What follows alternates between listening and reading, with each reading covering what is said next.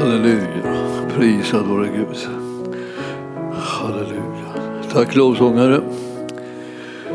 Då säger vi till dig Herre att vi är så tacksamma över att du har gett oss möjligheter att vara delaktiga i din församling och den försörjning som finns i församlingen. Och vi ber om välsignelse över de gåvor som vi har burit fram för att de ska täcka och möta alla behoven. Också i tider då, då det naturliga ser ut som om det var svårare att kunna samla in det och möta behov så är du densamme. Du är den som är en outsinlig källa och, och vi kan ta emot ifrån dig och vi kan ge till dig och vi kan bli välsignade av dig och vi kan välsigna andra. Vi är, allt är möjligt därför att vi gör saker och ting tillsammans med dig. Och vi tackar dig Herre för att vi ska få se hur du är på ett övernaturligt sätt den trofaste som välsignar och eh, sprider välsignelse och glädje överallt och därmed också trygghet. Så vi ställer oss i din, i din hand, Herre. Vi, vi säger att det är dig vi tillhör, det är dig vi tjänar, det är din vilja som vi kan göra eh, under livets alla förhållanden. I Jesu namn. Och församlingen sa Tack lovsångare. Har ni gått ner? Ja, jag blir upptagen i bönen så jag märker inte vad som händer runt omkring mig. Det är lovande. Det önskar jag er alla. Eh, då ska vi ta och eh, eh, gå till Johannes, nej det blir Matteus evangelium och titta där på, på det femtonde kapitlet. Matteus 15 och vers 29 till 31 först. Jag ska tala om helande idag faktiskt för att, därför att eh, vi är ju inne i en period och vi behöver komma ihåg att Jesus han sysslade med helande, helande alltså dagarna i ända. Alltså. Det var inte så här någon, någon liksom enstaka tillfälle, utan hela tiden. Alltså hela tiden. Så när vi vänder oss till honom och, liksom och ber om helande, då, då kommer vi inte till någon som, som säger va? Nej jag, jag vill bara predika, jag är en teoretisk liksom, lärare. Så här. Nej, han var inte det, utan han var väldigt konkret. Och så. Han ägnade sig åt det här med helhjärtat på heltid. Liksom. Och eh, folk visste det så till en milda grad. Så när senast jag var predikare, tror jag det var, så talade jag om det här att, att han hade hållit på hela dagen och botat sjuka. Då eh, eh, så vände han hem. Och när han kom hem till sitt hem, sitt hus då, i Kapernaum, eh, eh och det låg vid torget där, så var det tjockt med folk som var sjuka som låg där. Hela torget var fullt med sådana. Så, och, och, och, väntade och ropade till honom att han skulle komma och bota dem. Och han höll på hela dagen. Han tänkte nu, nu får det vara nog. Det tänkte han inte. Alltså, ni förstår, eh, det var ingen ände på det och man var övertygad om att Jesus skulle hjälpa. Så att även om man kom så att säga, som till synes för sent varför kom man inte på det stället där han höll på och botade sjuka? Varför, varför kom man sent? Varför gick man och la sig framför, på tröskeln till hans hus och så, så han inte kunde komma undan? Eller så? Varför, varför gjorde man så? Därför att man visste att han ville. Han svarade ja på sånt här. Om man, om man tycker att ja, ja, han, kommer att, ja, han kommer att missa mig och så där, ja, då kan man sitta där och skrika på honom alltså, att, han, att, att, att han ska förbarma sig över en. För, för att försäkra sig om att han inte kommer att missa en. Och då, då tänker inte Jesus, äsch, äsch, nu, de såg mig när jag höll på och smög liksom hem och försökte komma in i huset innan någon började liksom säga att jag ska bedja för sjuka igen, jag har hållit på hela dagen. Nej, alltså de visste liksom att han var en sån här som älskade människor och ville hjälpa dem. Det kommer tider alltid i människors liv de blir tvungna att känna till det här om Jesus. Att leva i en värld som är fallen, kan man säga, en, en skadad värld, en värld som är genomsyrad av synd och mörker och sjukdomar och lidande av olika slag. Det är en värld som, där, man är, där det är nödvändigt att man känner till Jesus och det är den räddning och den hjälp som han kan ge. Och han inte bara kan ge den, han vill ge den. Ni vet frågan som de hade om spetälska. Vi vet att du kan, men vill du? Och svaret är, jag vill. Alltså. Så det var inte så där. Alltså, jag kommer ihåg när jag var ung präst här i Kungsängen. Det här var min första ort som jag blev placerad på. Då bodde jag där på Bergvägen, så att i början av Bergvägen är det liksom lite tre, trevåningshus eh, där. Eh, och eh, så bodde jag där. Och sen var det så att så småningom så blev det så att jag kunde, om jag gick hem och tände min lampa så dröjde det bara fem minuter så ringde det på dörren. Så att jag har varit ute och hållit på hela dagen liksom, och gått på besök människor och bett för människor, samtalat med människor, hållit på, hållit på, hållit på. Alltså, alltså fem minuter eh, så var det så, sådär. Eh, jag, jag kommer inte ihåg då att jag, att jag tänkte hjälp, så här hade Jesus det. Men, men ni förstår, jag, visste, jag, jag tänkte så här, hur ska jag kunna komma in hemma utan att någon kommer? Alltså jag, är helt, jag är helt slut. Kan, kan det bli så att jag kan komma in i, i, i lägenheten där utan att någon kommer? Den vette in mot en gård och där bodde olika församlingsmedlemmar, olika människor som jag, som jag hade i själavård och all, all möjlig så här, var så, all, alla möjliga kontakter hade där. Och då så tänkte jag så här, jag tänder inte. Tänkte jag. Alltså nu, nu, nu, är jag borta, liksom, nu är jag ganska långt borta från Jesu beteende. Alltså, men å andra sidan så kände jag inte på den tiden riktigt så mycket av hans kraft heller. Utan jag liksom kunde vara, känna mig helt slut. Liksom, och, så. och så öppnade jag dörren, tände inte, stängde dörren, smög omkring i mörkret försökte eh, eh, eh, se till att jag, att jag hade på något sätt skymde så att det inte syntes att jag, att jag skulle behövde laga lite mat och så.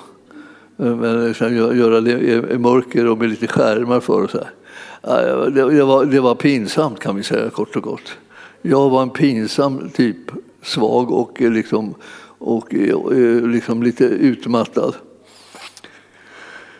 Så att jag höll på med det där lite tag då. Och jag tänkte, för, för jag tänkte då, då, slipper jag. Så annars kunde det vara så att kom folk, så kom det eh, eh, några till, så kom det några till, så kom det några till, några till. Till slut hade vi liksom, eh, liksom, ett slags möte nästan liksom, hemma då, på, på nattkrökarna. Och jag tyckte, jag hade jag hållit på hela dagen, det borde kunna räcka. Men det var inte så att jag hade någon uppgift som var bara sån här, en, liksom, liksom en punktuppgift.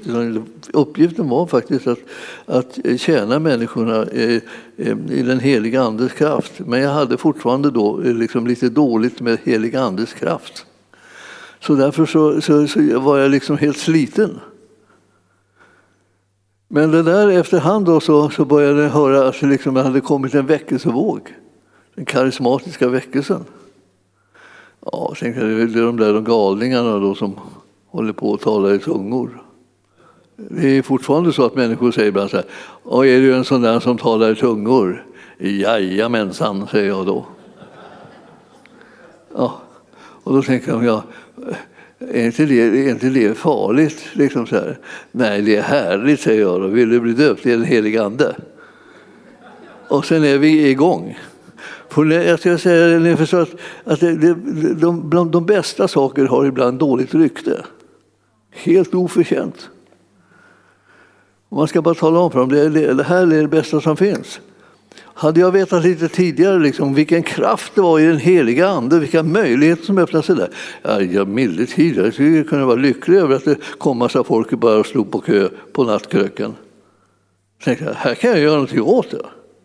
Nu försökte jag göra så gott jag kunde. Jag bad liksom, ja, olika böner och, eh, och, eh, och bad Herren att han skulle gripa in och så här. Men, men jag hade inte liksom kunskapen om att det hade han lovat. Alltså ni förstår, man behöver ha kunskap och man behöver ha kraft från höjden. Och när du och jag får, får klart för oss att det är det som vi kan ha och det är det som vi kan ta emot, så sätter vi igång och gör det. Så blir vi till lite mera nytta. Min önskan är att du som är här och du som sitter där och alla människor som hör mig nu i framtiden genom att de råkar, råkar trilla in på det här, den här sändningen. Så jag vill att ni ska vara fyllda med kraft så ni kan göra Herrens vilja överallt. Ni ska göra skillnad. Jesus gick inte omkring och smög. Det fick, jag fick inte det idén från honom. Det var en, det var en liten jordisk knapphetsidé som jag hade fått tag i själv. Men, men när jag kom på vad han hade ordnat med den heliga ande, alltså ta det nu lugnt liksom, och vänta och sen ska du bli beklädd med kraft ifrån höjden, säger han till lärjungarna då, som, är, eh, som ändå är eld och lågor och gärna vill göra allting liksom så här som Jesus gjorde och hade prövat på med det. Men nu när han lämnade dem så han rent fysiskt liksom var inte närvarande där så, så ville de ändå få, få veta vad ska vi göra, hur ska vi göra. Hur ska... Ta det lugnt, sa han, ni ska inte göra någonting förrän ni får kraft ifrån höjden. Men när ni får den kraften, då är det startsignalen. Sätt igång!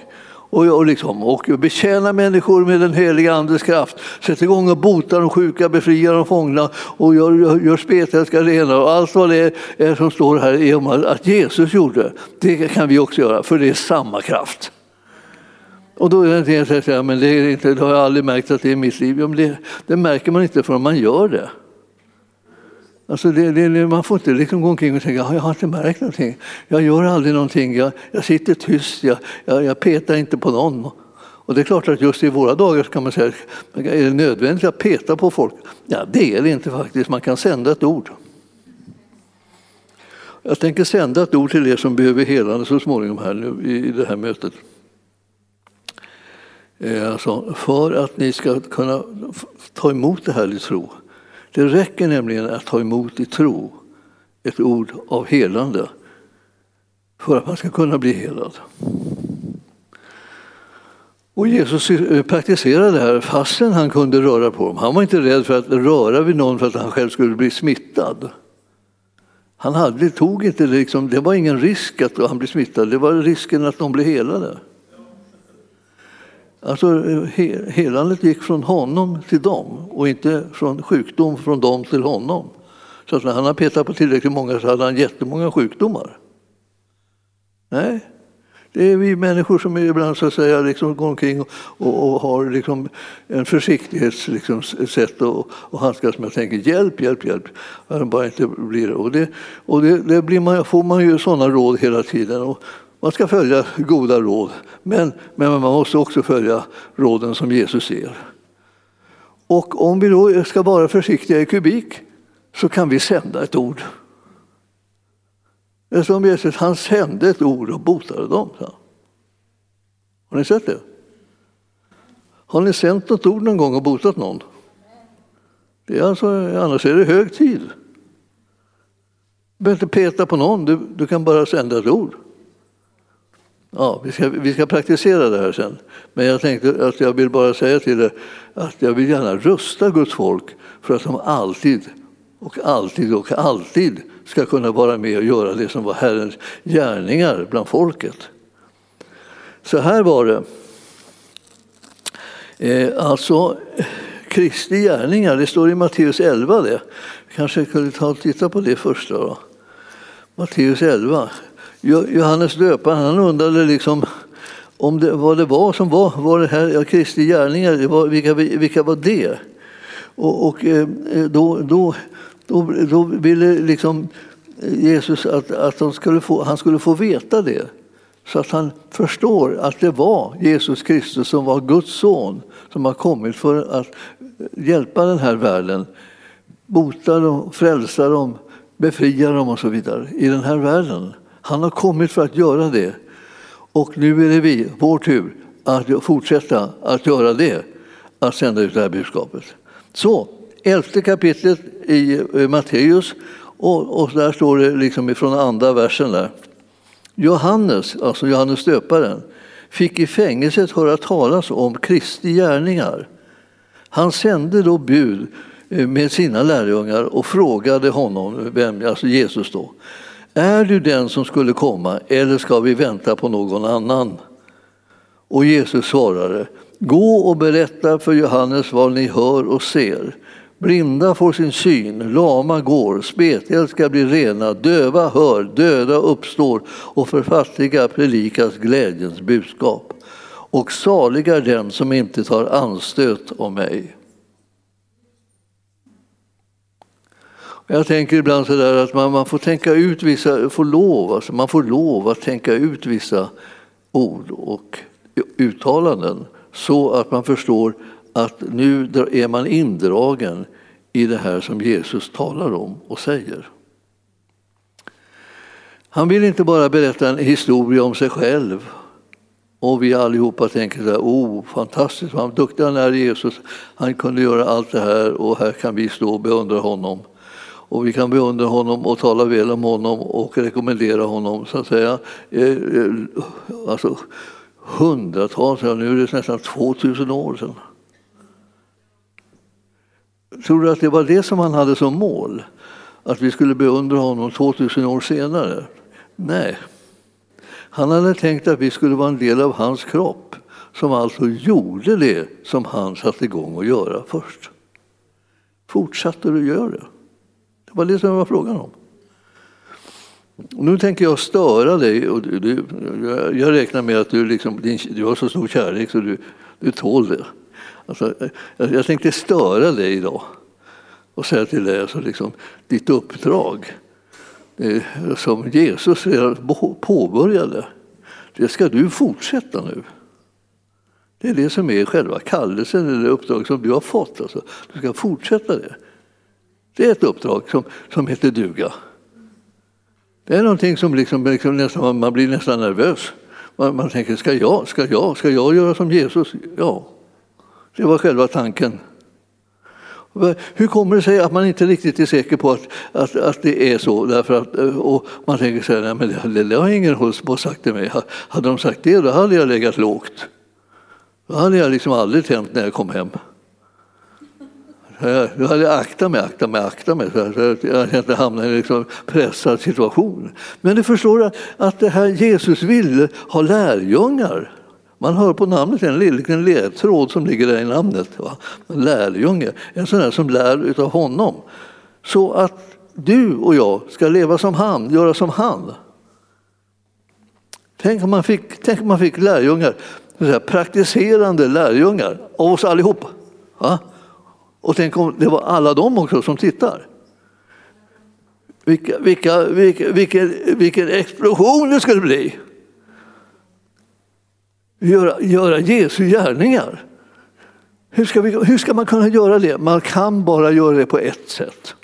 Nämligen, man kan göra det med tro och man kan göra det med den heliga Andes kraft. Bara det. Han har, har gett oss den heliga Andes kraft. Så när jag blir andedöpt blir jag beklädd med kraft ifrån höjden. Och tro, ja, det är sånt här som kommer av predikan. Så nu när jag håller på att tala till dig så kan du börja tänka, tänk om, tänk om jag kan, skulle jag kunna? Och svaret är ja, ja, ja, ja, ja, ja. Du kan, därför att han kunde. Så kan du. Alltså det livet som du har blivit kallad att leva, det beror på att han har vunnit det åt dig. Han har gett dig ett sånt där övernaturligt liv. Fantastiskt alltså, att ha att göra med Jesus. Alltså, han spränger alla gränser. Alltså, man, man, blir, man nästan blir förskräckt. Ska jag göra det övernaturliga? Självklart. Han behöver inte skaffa sig några lärjungar som gör det naturliga. Att göra det naturliga är väl ingen konst. Det är liksom bara liksom att ha sig omkring som vanligt. Men att göra det övernaturliga, då måste man sätta tro till Jesus för den seger som han har vunnit på Golgata kors. Och sen måste man ta emot den heliga Andes kraft och gå ut i den kraften för att göra hans vilja i den här världen. Och han är med en. Till och med alla dagar, inte tidens ände.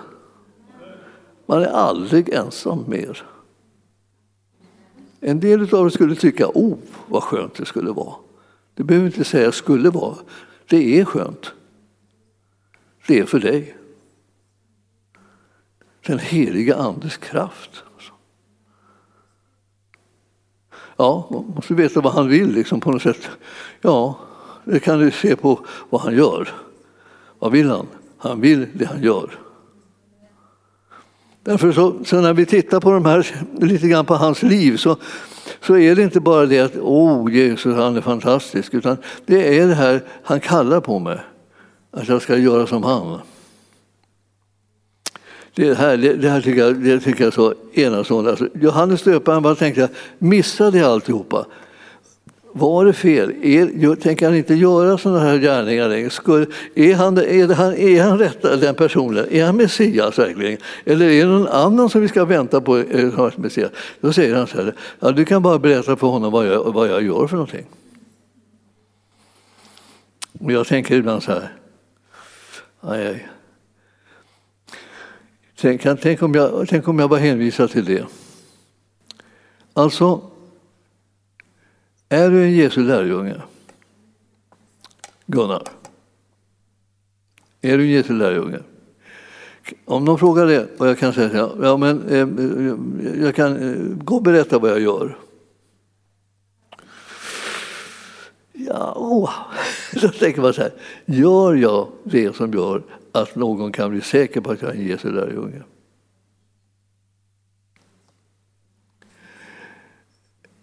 Jag, jag, jag, kan, jag, skulle vilja säga lite, lite, lite ödmjukt det här att, att um, jag håller på och lär mig göra det. Uh, men jag vet inte om det är fusk att säga det på något vis. För jag vet ju mycket väl vad det innebär. Men det är, så, det är klart att man, att man har ett utrymme att lära sig. Men man har inte ett utrymme att strunta i det. För då är man inte en lärjunge. En lärjunge är ju en som ändå tar fasta på att det här är uppdraget. Det här ska vi göra. Ni vet att eh, Jesu lärjungar, alltså, alltså jag ser vad vi, vad vi hade det där, det var, det var väl lite tidigare, eh, när lärjungarna blev utsända så här i kapitel 10 i Matteus så står det att Jesus kallade till sig sina tolv lärjungar. Han började eh, hade tolv då. Sen hade han ju mängder. Sen har han oss. Har du tänkt på det någon gång? Liksom. Först hade han tolv. Och sen hade han en, ännu flera och så småningom så är han framme vid vår tid och då har han oss. Tror ni att han säger hurra? Eller tror ni att han säger va? Vilka då? Vilka, vilka, vilka då? Ja, vi som sitter här. Det är vi som är lärjungarna. Ja, vad ska man känna igen dem på? Ja, det står så här, Jesus kallade till sig de här tolv, gav dem makt. Alltså, lärjungar får makt. Om du har tagit emot Jesus och blivit en lärjunge sen så har du fått makt. Nu är bara frågan om tänker du använda den eller tänker du bara sitta och, liksom och, och tänka, tänka att jag har makt och sådär. Det är ingenting att hålla på och skryta med, utan det är någonting som man ska ära Jesus med. Alltså, han gav dem makt. Och då att göra vad då? Att driva ut onda andar, att bota alla slags sjukdomar och krämpor. Det var, det var vers 1 i kapitel 10 i Matteus om lärjungar. Det började med de här tolv, men det slutade inte med dem. Nu talar är det här ordet om oss. Jag brukar plåga mig själv med det här, det här ibland, så här, för att, bara för att liksom väcka mig på något sätt och, så att jag kommer på att jag är en lärjunge. Att jag inte är vem som helst. Ibland så vill vi gärna säga att det är inget särskilt med mig, jag är bara liksom en liten plutt eller något. Eller ja. Jag är så vanlig, som, jag, jag, jag, det är inget särskilt. Och så tänker man det, det är liksom blygsamt och fint, ödmjukt. Jag ska säga att man inte är någonting. Men lärjungarna fick aldrig det uppdraget av Jesus att gå ut och säga att ni inte är något. Aldrig, aldrig, aldrig. Jag har läst den här boken jättemycket. Alltså, jag har aldrig hört talas om att lärjungarna fick uppdraget att gå och säga att du ingenting är. Jag måste då ha hittat på. För vad jag det för något? Är det någon sån här djävulens bilaga eller? Där man, där man säger så här, du är ingenting, du är värdelös, det går inte att räkna med dig, du är misslyckad på allt sätt. Och så har vi fått för oss att det är kristendom. Det är någon slags djävulskap. Man säger att man ingenting är. Jag är ju född på nytt och har tagit emot Jesus, så är du det också. Du har blivit ett Guds barn. Du har blivit beklädd med krafter från höjden. Medeltid, det är ju du, så kommer du så, så darrar hela, hela andevärlden. Då säger du, hjälp, hon kommer. Eller hjälp, han kommer. Så. Nu är det kört. Nu kommer han omintetgöra djävulens gärningar. Det är därför att du och jag håller på att nalkas. Vi, vi, vi är att räkna med i den andliga världen. Jag vill bara säga till dig att, att kliver du in i den här världen, då är du att räkna med. Då blir, då blir det liksom, då, då, då är det som att det vibrerar när du kommer in. För då tänker du så här, vad kommer hon att hitta på? Vad kommer han att göra för någonting? Alltså? Ligg lågt allihopa, var tysta. Det, det kan hända någonting här. Någonting kan fullkomligt explodera.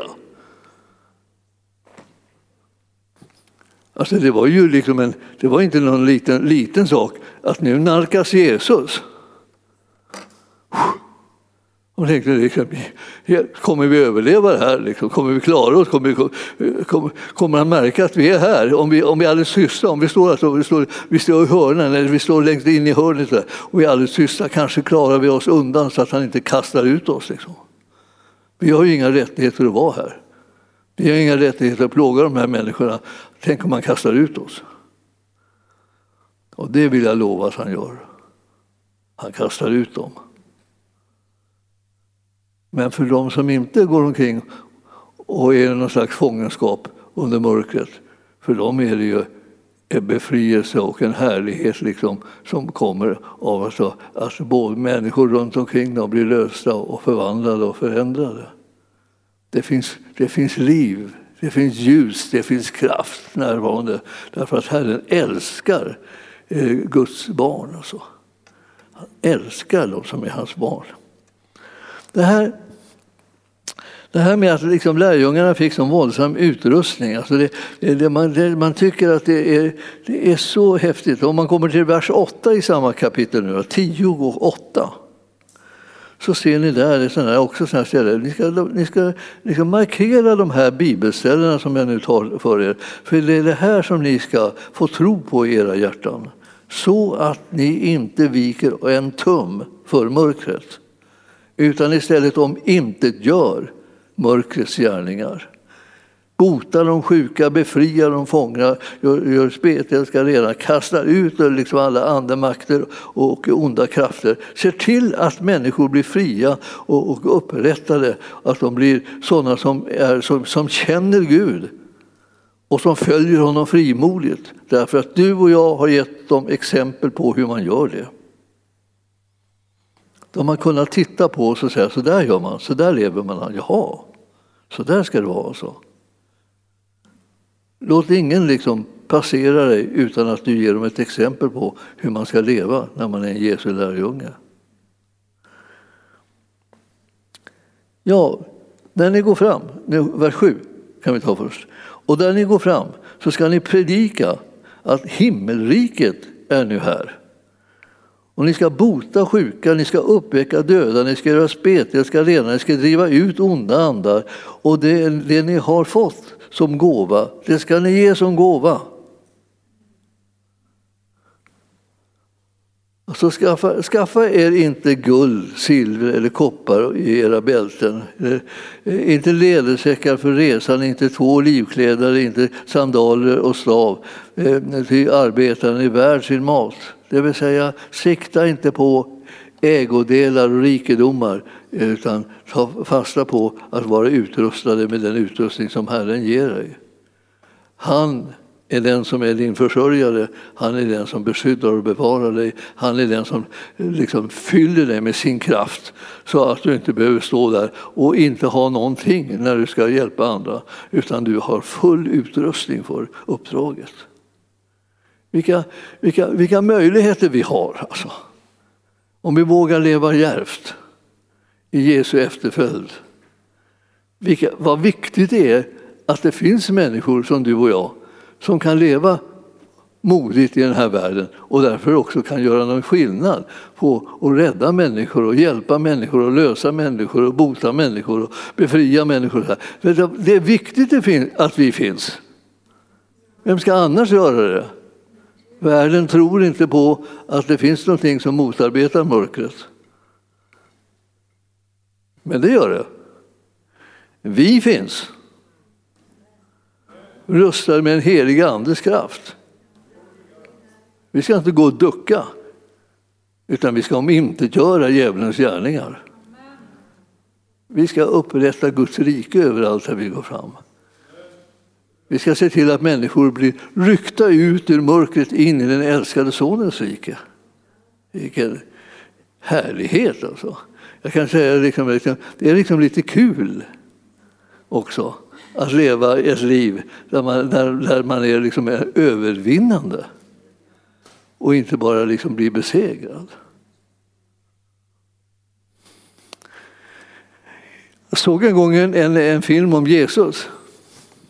Ja, alltså, det var en spelfilm om hans liv. Han var en liten, o, o, ja, han var en liten ovanlig Jesus kan man säga. Den här Jesus som var där alltså. Jag har sett massa olika filmer om Jesus. Alltså, en del är ju liksom absolut galna filmer alltså på något sätt. Men den här, alltså den här, den här, var, en, den här var en ovanlig Jesus på det sättet att han var glad. Har ni tänkt på liksom det? Han var inte så alv och vandrade så här, hela världens lidande var på hans axlar och så. Han bara gick och knäade och så, inte, inte sån. Utan han var en, som en glad, lite sprallig, busig Jesus. Så när han samlade folket så berättade han sina, sina liknelser som han själv tyckte var jättekul. Och han, så han berättade de här liknelserna och så hade han det här, särskilt kommer jag ihåg den här liknelsen liksom om, om grandet och bjälken. Så sprang han fram till en karl som stod alldeles i närheten med fram i främre ledet när han stod och gick och, och, och, där han stod och predikade. Sprang han fram och så tog han tag i den här mannens huvud och stirrade liksom på, på det här. Och så sa han, det här duger inte. Du har något skräp i ögat. Det duger inte. Det här kommer inte bli godkänt. Liksom så här. Ja. Och så vände han sig bort och funderade över det här och höll på att prata så här. Och så när han vände sig tillbaka då hade han en stor lång pinne som stack ut ur hans egna, eget öga. Kom lite närmare så får jag se vad det, hur, vad det var för problem. Han kunde inte komma närmare för han hade liksom ett sånt litet problem medan Jesus hade ett jättestort problem i sitt öga. Men själv så märkte han inte liksom att han hade den där jättestora pinnen i ögat. Här, utan, liksom, utan han tänkte liksom att det är den här mannen som har stora problem och allvarliga problem. hur ska han kunna vara, vara ett Guds barn och gå i, och följa Herren i, i den här världen? Liksom, när man har så här, låter sånt där skräp och sån där skada finnas kvar. Vi måste botas, han måste botas och helas. Och så svängde han sig hit och dit och dit och folk duckade för hans stora problem som for fram och tillbaka. Den här pinnen som han höll där uppe. Och sen, och sen när han hållit på så och folk nästan var helt förskräckta så bara skrattade han skrattade så, så här, jättegott. Så här. Jag ser det, vilket, vad galet det är. Liksom. Vad bra man är på att se felen hos andra. Vad dålig man är på att upptäcka att man har något problem själv som kanske är mycket allvarligare och mycket större. Ta tag i de där stora problemen först, så får du se om du behöver ta tag i de här små sen. Eller hur, sa Och då sa de så här, vi har aldrig hört någon som talar som han. Han, han, han talar helt annorlunda än, än de skriftlärare och fariséerna. Liksom. Han är, han är liksom eh, både allvarlig och busig om vartannat. Liksom. Vi kan, vi, man vet inte, man känner sig helt liksom, lite osäker så här, på vad ska hända nu. Hjälp. Och tänker man, ska han hoppa fram med en stor stör här och liksom härja när, när man bara ska vara liksom, på en predikan? Tänk om man, tänk om man, blir, tänk om man blir störd av predikan. Och så säger stör mig inte, jag lyssnar på en predikan. Det är, det är allvarligt heligt och eh, sådär. Alla sitter tysta och fina. Ingen håller på med något annat, bökar med något annat. Det här är predikodags. Men ni förstår, ur Jesus synpunkt var det här dags att bli förvandlad. Dags att bli förändrad. Dags att bli förnyad. Dags att få full kraft att kunna göra det som är Herrens vilja. Det var, det var dags för det. Nu är det dags för det. Predikningar det. Är inte till för att man ska tycka åh, intressant. Utan predikningar är till för att förvandla våra liv. Så där, där man, man kan tänka sig, ja, jaha, vad märkligt det här alltså. Alltså vi, vi har sådana, sådana saker för oss, liksom att vi håller på går till ställen där man kan få sitt liv förvandlat. Det är bra om du är med på noterna. Alltså, och inte kommer hit och tänker, jag tänker inte låta rubba mig en sekund. Jag tänker inte för, låta någonting påverka mig. Jag, jag tänker liksom hålla det här stången. Liksom. Det ska inte komma och beröra mig. Inte. De andra får ta itu med sina problem. De har ganska stora problem av vad jag kan bedöma. Så är det med det. Ja, men så, så kan man inte nalkas det hela. Du har ett personligt möte med Jesus att ta ställning till och det mötet har redan börjat. Och det är honom som du ska möta och det är av honom som du ska bli förvandlad. Och du ska inte sätta dig på tvär mot det, du ska, du ska vara med på det. Då säger, jag, här är jag Herre, ta mig. Förändra mig, förvandla mig.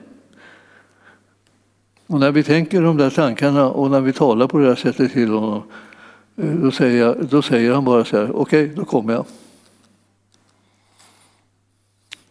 Och då har du liksom en, en utmaning där. Vem är han som kommer? Vågar jag stå kvar? Ska jag flytta på mig? Ska jag ta det en annan dag? Jag säger, ja, ja, ja, min, min tid gick just ut. Jag har inte tid att vara med, med på det här mötet. Det var tidigare jag kom på att jag måste kila. Jag kilar. Men han vill att du liksom tar itu med dig själv först. För sen, när du har tagit tur med dig själv, kommer det kunna bli en välsignelse när du möter andra. Hur du ska kunna hjälpa dem att kunna bli lärjungar. Alltså. Ge dem ett exempel på hur det är att vara en lärjunge. Våga bli annorlunda. Jag, när jag, tänk, jag tänker på det här ibland så här, det, det, det, är verkligen inte så enkelt alltså. alltså jag, skulle, jag skulle vilja att vi, vi tittade på ytterligare bibelställen så här. Eh, Kanske åt, eh, titta, jag vet inte, vi tittar inte i åttonde kapitlet i Matteus, men jag tänker att vi ska ta och titta där bara i trettonde versen så står så här.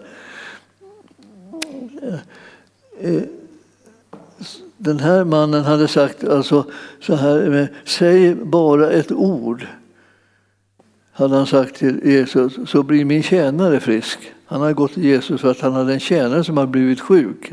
Han var väldigt beroende av den här tjänaren. Han ville honom väl och han skulle bli frisk. Och sen eh, eh, så säger Jesus när han, hörde det här att, att eh, han var så frimodig eftersom han var soldat så kunde han liksom säga liksom att vi, vi ger order. Och det är väl, jag antar att det är samma sak med dig, säger han till Jesus. Du ger order. Och när du ger de här orderna då måste den, den som liksom är med dig lyda orden och så måste de göra det du säger. Jaha. Och, så, och då var det så här att, att det står så här att, att han, han sa, Herre, eh, jag är inte värd att du går in under mitt tak för Jesus frågar, ska jag, ska jag gå hem till dig? Nej. Utan, utan säg bara ett ord så blir min tjänare frisk. Har, har du prövat den eh, helande modellen någon gång? Säg ett ord så blir den som de vill bära fram som ett bönämne frisk. Alltså vi har ju liksom lite grann av den tanken va? När, vi, när vi för fram bönelappar, skriver människor som behöver bli helade, så tänker vi så här att om vi då ber och, och säger, liksom, kallar på helande in i den och, att, och står emot sjukdomen så, så kommer den Eh, situationen som den här personen som är nämnd på bönelappen, den eh, situationen kommer förändras. Och då kommer bli helad och kommer bli befriad och så. Vi har liksom en liten tanke åt det där hållet. Men det kan också vara så att eh, vi kan göra det lite mer konkret. Att vi, så fort vi hör böneämnet eller behovet så kan vi säga att eh, den här personen eh, från just den här stunden blir frisk.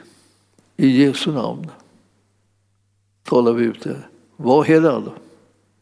Fastän den inte är där. Alltså. Så det gjorde ju Jesus. Han sa så här, eh, alltså, eh, han sa, jag har aldrig, alltså, i vers 10 där står det, jag, jag har aldrig funnit någon eh, med en så stark tro i Israel, säger han. Och så eh, så läser vi den trettonde versen. Till officeren sa Jesus, gå, som du tror ska det ske dig. Och i samma ögonblick blev hans tjänare frisk.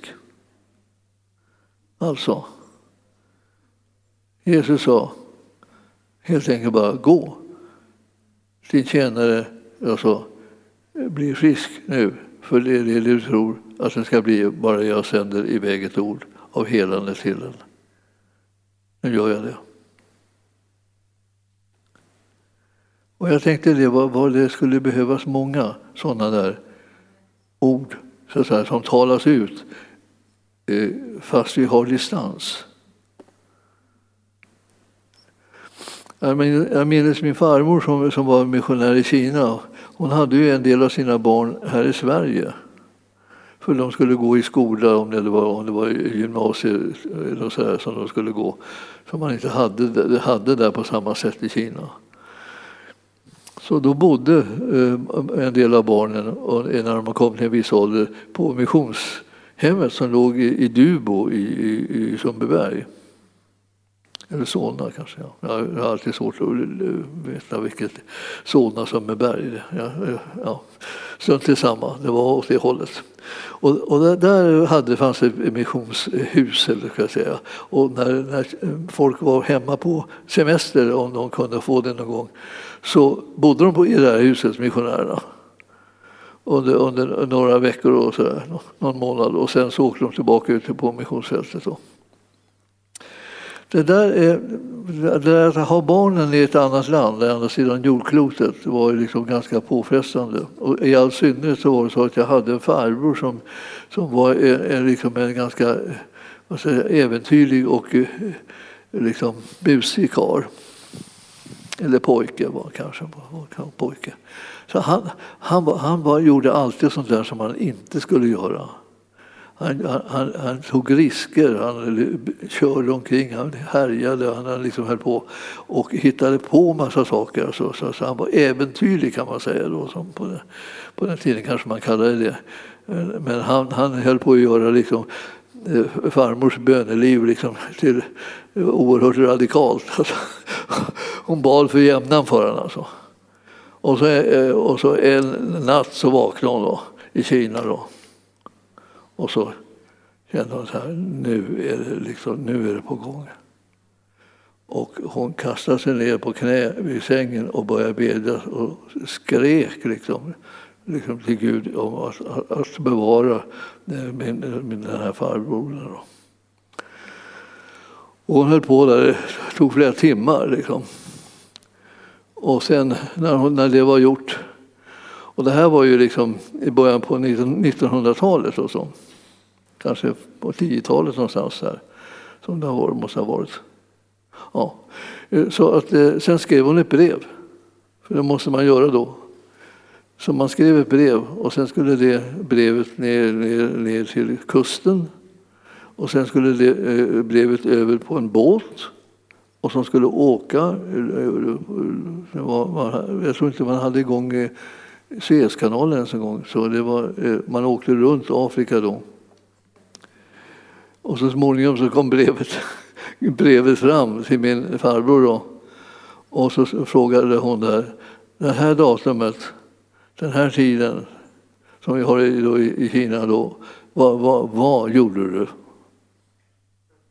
Vad gjorde du för någonting? Ja. Då satte han sig ner och skrev ett brev. Ja, det här blir ju liksom, eh, förstår vad påfrestande mot alla som håller på med sina telefoner nu och hela tiden, som om det var självklart. Det tog månader för att liksom få svar på, på, på ett brev. Då. Då skrev, skrev, så skrev han ett brev och så berättade han vad han gjorde då den där, den där, den där natten. där. Och så när, när farmor då efter några månader fick brevet, då har det nästan gått ett halvår då, liksom, av liksom brevväxling här. Eh, bara eh, liksom, två brev hade passerat liksom, eh, från, från Sverige till Kina. Då. Och då fick de läsa så här, att här, han hade varit ute och kört motorcykel på natten. Och han körde, alltså det var jätte, han tyckte om att köra, köra farligt. Och så. Han körde som en galning där och så körde han nere vid, vid, vid, havet. Så Och, eh, och så plötsligt va, så kom han in, då hade, hade vågorna slagit in så att de, det blev alldeles blött och halt. Och hela hojen bara la sig och bara for liksom iväg ut i havet alltså med honom och alltihopa. Och eh, genom en tillfällighet så, fanns det, så var det då en man som var ute och tog en promenad.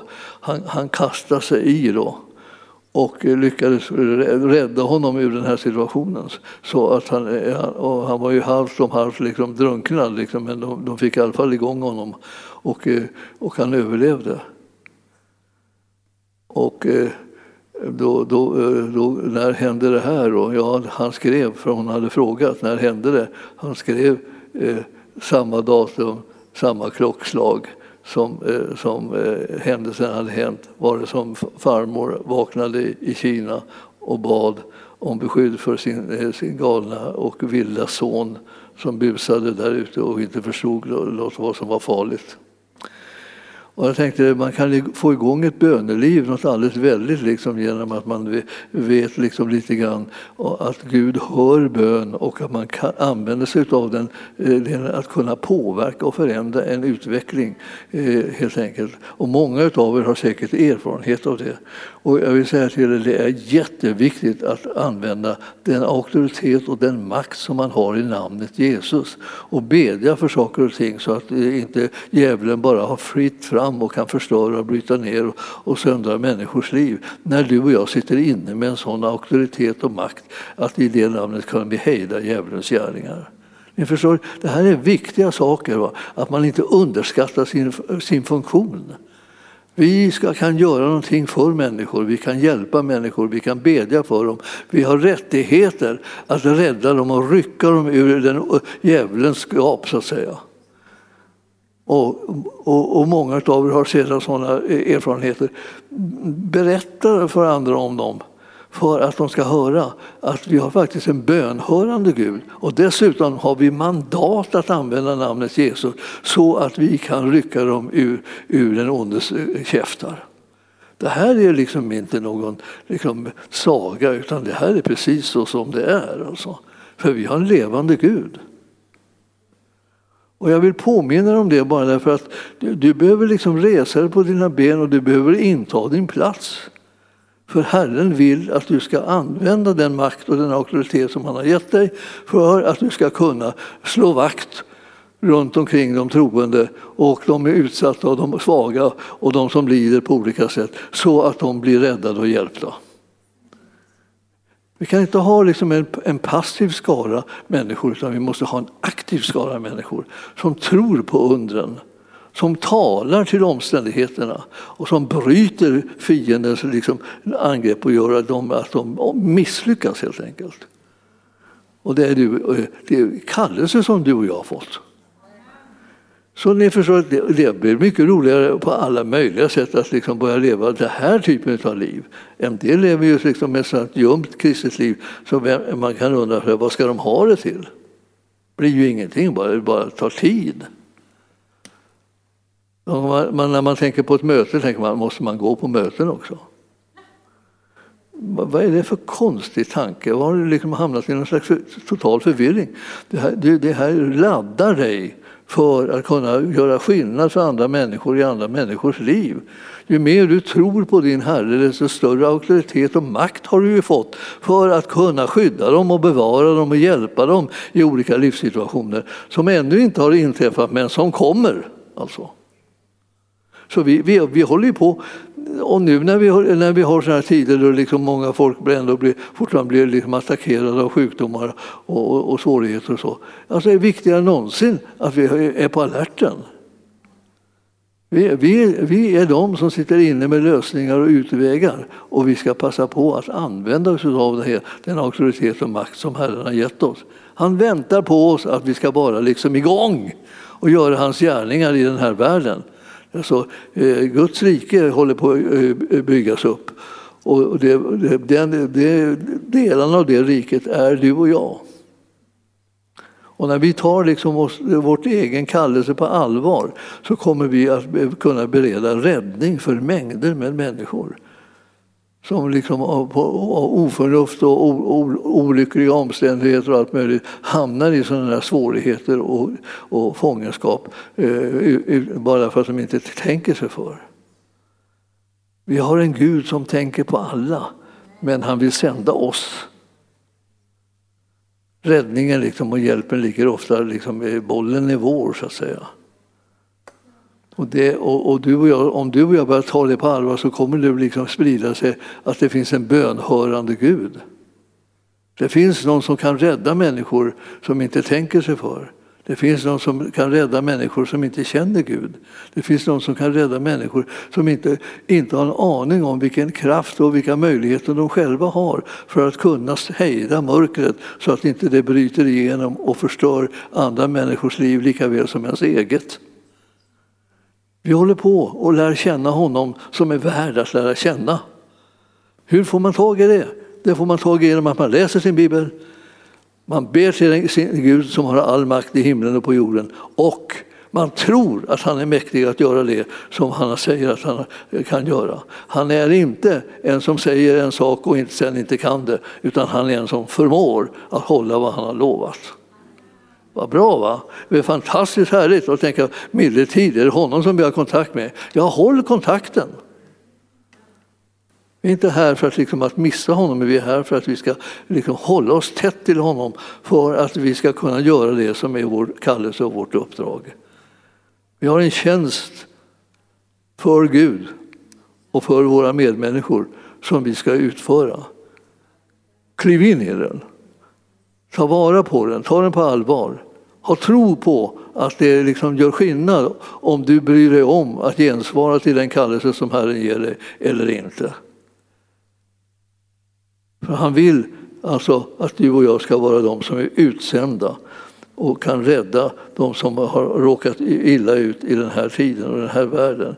Och då i all synnerhet också då syskonen också. Ja, eh, det där med att liksom åttonde, liksom, alltså, säg, säg bara ett ord. Alltså jag tycker att det är så jättebra. Alltså, alltså jag tänkt, I all synnerhet nu när vi liksom inte ska ha så fysisk kontakt så är det inte det någonting som hindrar Gud.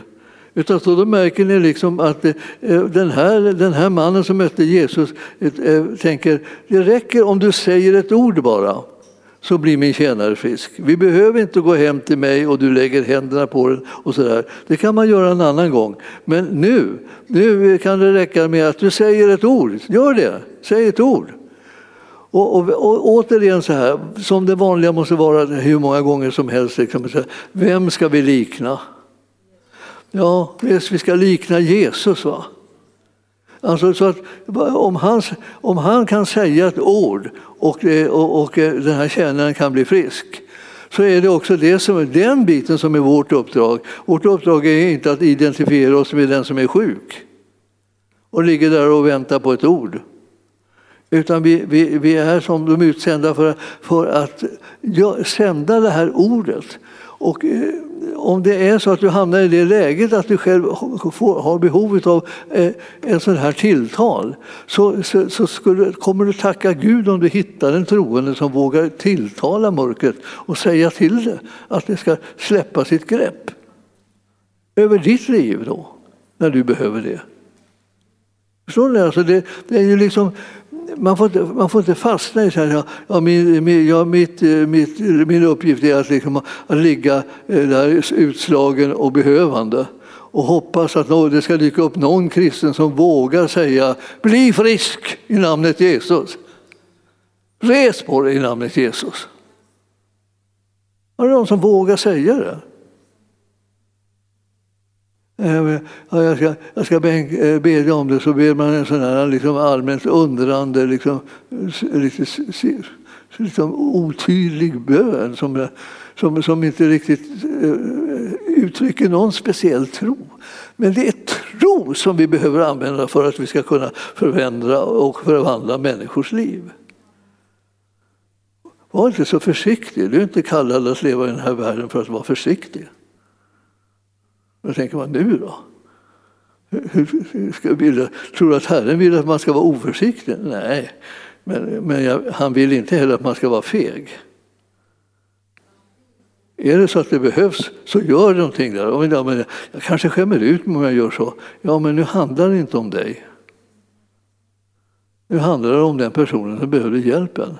Det, måste liksom, det kan hända att det blir lite pinsamt för dig.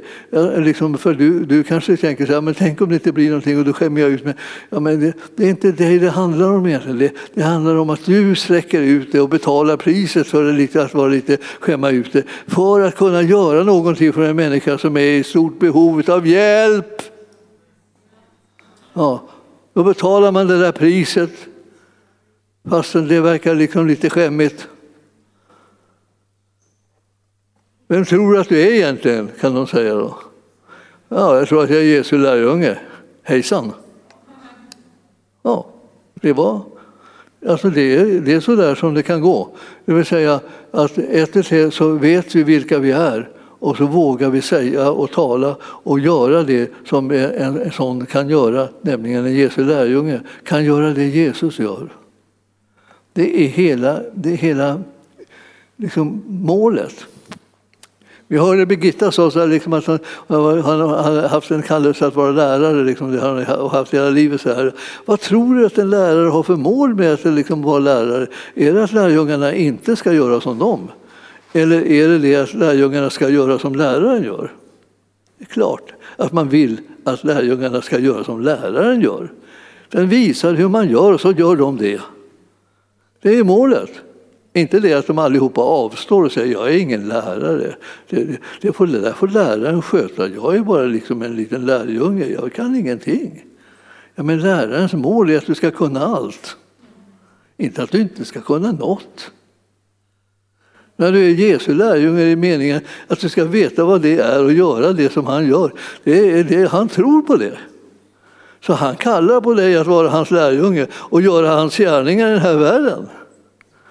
Det kan, kan inte vara möjligt, jag som är så försynt och eh, stillsam och osynlig. Och jag kan säga, ja, det har du hittat på själv att du ska vara. Du ska vara som Jesus, tycker Jesus. och jag tänker, nej, nu får du lugna ner dig, liksom. nu börjar det slå över. Ja, om man jämför med ditt liv kanske det slår över. Men om man låter bli att jämföra med det liv som du har liksom hållit på med, så utan, utan tänker så här, eh, eh, om du jämför med Jesu liv, då kanske det är hög tid att du börjar göra som han säger istället för att liksom tycka att det är en överdrift. Ja. Och om du nu blir sårad av det här så var inte det meningen. Meningen från min sida var att försöka få det igång dig. Men du kanske tänker, jag har inte bett att få bli, komma igång. Nej, eh, du fick det gratis. Så att jag, vill, jag vill bara säga det, det finns massor med människor som behöver dig. Oss alla. Så att vi kommer liksom i rörelse för deras skull. Om det nu är det så du tänker, ja men ja, jag vet inte om jag... Ja, men kan du inte sluta lite grann med dig en liten stund bara? Liksom, ta en liten paus. Jag tycker det kan nästan blivit överansträngd av att liksom tänka på jag och jag. Så, eh, tänk på dem. Om du då kommer liksom på spåret och börjar tänka på dem istället så kan det hända att du kan se vad Herren vill att du ska göra för dem. Du kan få syn på lösningen som du har tillgänglig, du som hör ihop med Jesus och kan leva ett liv som är övernaturligt och som återspeglar Guds rikes närvaro i den här tiden. Du kan bli en sån. Eh, när man, om man någon gång möter en sån här, och det händer ju, blir man väldigt uppmuntrad. Man blir väldigt välsignad. Man tänker att milde tid. De finns, tänker man. Jag, tänkte, jag trodde inte att de fanns, jag trodde att de hade dött ut eller någonting sådär. Det där trodde man ju när det gäller helande. Alltså, alla lärjungarna, alltså de första lärjungarna, de tolv, första tolv, när de alla hade dött och den sista som dog var Johannes han var ju som ung, liksom. det var han som liksom satt, låg liksom alldeles bredvid Jesus liksom, och inte ville missa ett enda ord som Jesus sa. När, när han dog så trodde man att helandetjänsten hade dött ut. Nu blir det inga fler helade. Nu finns det inga, ja, inga av de tolv finns kvar. Det var bara de som kunde bota eh, sjuka. Så när de gick där och de gick upp till templet så blev någon botad och när de gick ut liksom på andra ställen och Jesus sände dem så blev folk botade och befriade och upprättade. Alltså det var då. Men sen dog den siste och då var det slut. Var fick de det ifrån? De fick det från sin grumliga tankeförmåga. De satt där liksom och tänkte på att nu, alla, nu, nu ligger jag här på dödsbädden och sen kommer ingen bli helad mera. Och det är för sorgligt, det är för sorgligt. Men vad ska jag göra åt det? Och så dog man och så var det slut på helandetjänsten. Nej, det var det inte. Därför det sa aldrig Jesus. Han, har, han fortsätter att dela ut helandetjänster till människor. Han fortsätter att kalla dem att bota de sjuka och befria de fångna och upprätta, upprätta människor som är nedslagna och krökta och, och eh, liksom osäkra och, och förkastar sig själva och tror att de är värdelösa och allt med sånt här. All sådana här eh, lögner som man känner igen på innehållet i dem och man vet att det här kommer från djävulen. Han som vill liksom fullkomligt krossa våra liv istället för att ge oss ett verkligt liv tillbaka och lyfta upp oss och uppmuntra oss och styrka oss och sända oss och så här. Så att det blir övernaturligt som händer runt omkring det istället. Vi kanske till och med har ett förflutet. Liksom, och, tänkte, och tänk hur det var då, då. Då kunde man lägga händerna på de sjuka och de blev friska och då var det folk som blev befriade och, och ropade och tjoade och, och gladde sig över det som hade hänt. Det var då det. Och Herren säger, det är nu det. Sätt igång. Kraften är densamma. Och du kanske till och med är lite, lite påbättrad eh, också, så att du har lite mera tro än vad du hade eh, förut. Men han använder det ändå. Han tog den lilla tro som du hade och så gjorde han det under bland människorna som du la händerna på eller som du bad för. Och nu, eh, när du till och med vet lite mera och kanske kan lite mera om, om tron som, som Herren har väckt genom sitt ord, så, så fortsätter han sin verksamhet med ännu större kraft om du bara tillåter honom att göra det. Han längtar efter att du anmäler dig. Anmäl dig! Ja, ja. Om ni märkte det var en viss liten höjning av, av tonläget där som, som jag hade. Och det var därför att ni inte skulle missa att jag ville att ni skulle förstå att ni behöver anmäla er. Han säger, när du kommer och anmäler dig, säger han ja, jag tar dig. Du är precis den som jag behöver.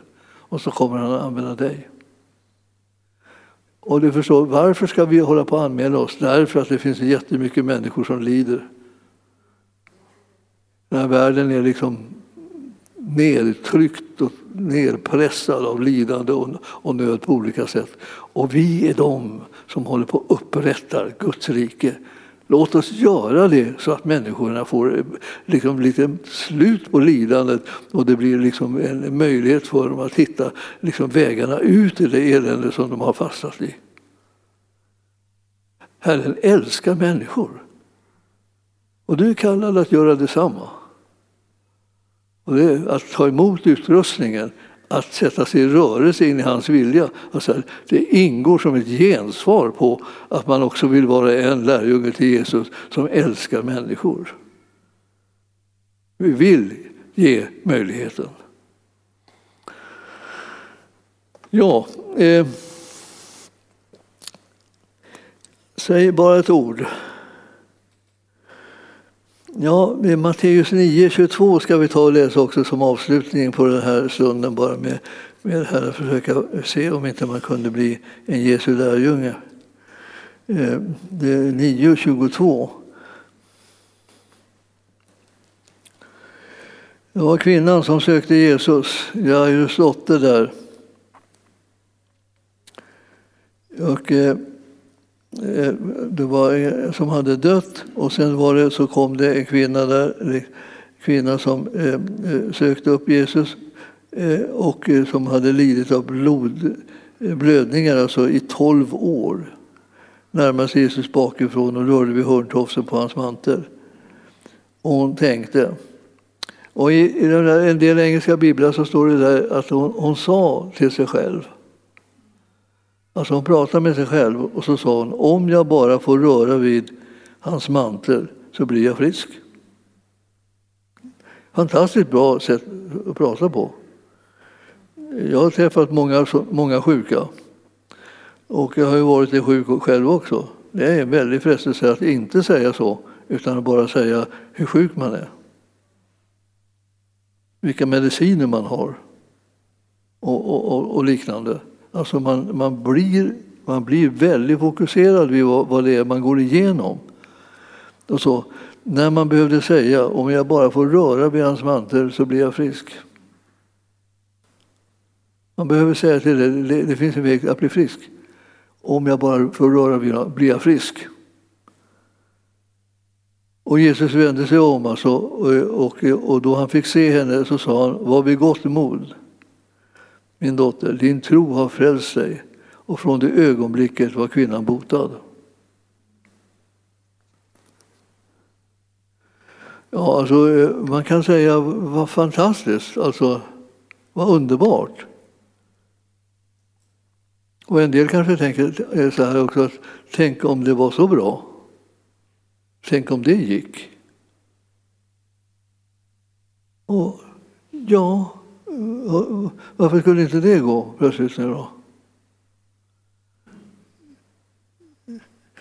Ja, man tycker att liksom, det där, det där det låter, det låter för bra då. Men du vet att alla de här sakerna, liksom är, när man läser Bibeln så liksom är det inte så att det som, är, som står i Bibeln är för bra. Utan det är precis lagom bra för att du ska kunna bli delaktig i det. Det är meningen att du ska upptäcka att det här är bra och det var till dig för att du skulle tro det. Man kan, man kan prata liksom så här, man kan tänka så här, hur ska jag kunna få ordning på mitt tal? Jag kan börja säga vad Bibeln säger om olika saker. Det är ett sätt. Det är så enkelt det sättet så att en del bara vägrar att eh, använda sig av det. Ska jag säga eh, eh, liksom, om min sjukdom som jag har känt och haft i så många år och på så många sätt. Ska jag säga om, om jag liksom bara kunde få röra vid dem så skulle jag bli frisk? Och vad, vad är det som han säger eh, eh, hjälper då? då? Ja, han säger till henne då, var vid gott mod, din tro har frälst dig. Och från det ögonblicket så var kvinnan botad. Har Jesus anseende till personen, tycker ni? Liksom. Är det så att han bara botar sina favoriter? Eller är det så att alla är favoriter? och därför liksom kan räkna sig som kandidat för att bli botad. Ja, det är mycket troligt att det är på det viset. Alla är favoriter. Men jag skulle önska att, så, att ni, ni, ni förstod att Jesus gör inte skillnad på människor. Alla som kommer till honom botade han. Alltså när man, när man sätter sin tro till hans förmåga att bota och vilja att bota så är man kandidat för att bli botad. Och om man vill veta hur ska jag kunna få en sån stark tro så behöver jag bara läsa de här ställena lite grann igen och igen och igen. För att tron kommer av predikan och predikan i kraft av Kristi ord. Så han håller inte undan det. Han väntar på att du ska använda dig av det som han gett dig för hjälp med, nämligen det här att budskapet eh, om, om helande är liksom din arvedel. Det här med att sända ett ord, jag ska ta och eh, tänkte jag liksom praktisera det. Nu hade Jesus inte träffat den här eh, tjänaren som, eh, som vars herre kom till honom och, och sa att, han, att eh, tjänaren behövde liksom bli frisk. Eh, och, och, och han, han, har inte träffat han har inte talat med honom och ingenting så här. Och kan hända är det så här för dig och mig också nu då att när, när jag ska nu tala till dig, om du är sjuk på något sätt, då, då, då tänker jag tala till dig. Och om jag talar till dig och inte har träffat dig och du har inte berättat i detalj hur du mår och varför du är sjuk och liksom alltihopa det här eh, och du har inte berättat någonting om medicinerna heller som du har och alla de här sakerna som jag ofta liksom fick höra om när jag gick omkring som präst och besökte sjuka så fick jag se alla burkarna och höra var, varför de åt de där medicinerna och den och den och den. Och, den. och, och det, här, det, det, hjälper inte för att bli frisk att man, eh, man får höra om det. Utan det som hjälper är att man tror på att Jesus vill och kan bota. Och därför så, så är det så att om du nu eh, eh tillhör de som behöver bli botad så behöver du ge liksom ett litet kännetecken på att du är villig att ta emot helande. Och eh, eh nu, nu visar, är det inte först och främst mig som du visar det, utan du visar Jesus att du vill ta emot helande genom att du bara räcker upp handen lite grann så här lågt. Du behöver inte göra någon höjdare liksom av det, utan du, du, det är Jesus som kan se det. Men du behöver göra liksom ett tecken på att du är öppen för att ta emot helande. Och eh, vi ska strax göra det. Och det gäller för dig också då som sitter hemma, liksom. även du då, även om du sitter ensam där hemma eller om du sitter i en grupp så, så, så sträck också du upp din hand bara för att säga jag, jag är här. Jag tror att han också vill hela mig. Så jag sträcker upp min hand och säger jag välkomnar det. Sådär ja, då kan ni sträcka upp era, era händer så lite om ni behöver helande. Det är och du behöver inte titta runt omkring för det är inte de som ska hela dig utan det är Herren. Och så har vi hållit upp handen sådär. Och så ska jag tala till dig. I namnet Jesus säger jag till dig. Var helad. Var fri från din plåga. Jag gör en ände på lidande och nöd in i ditt liv. Vare sig du är närvarande fysiskt här i den här salen eller du sitter hemma eller någon annanstans och tittar på det på nätet så är det eh, så att sjukdomens makt och lidandet är slut i Jesu namn. Och helande och hälsa och läkedom och frihet ifrån nöd och lidande och smärta inträder från och med den här stunden. Jag talar i hans namn som har makten att om inte göra djävulens gärningar. Han som har makten att göra vem som helst helad och befria vem som helst från, från lidandet. Han som har burit alla sjukdomar och allt lidande.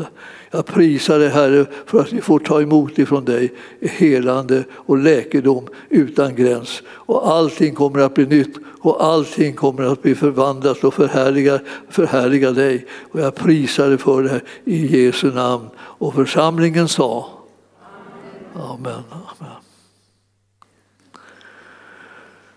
Halleluja. Tack Jesus.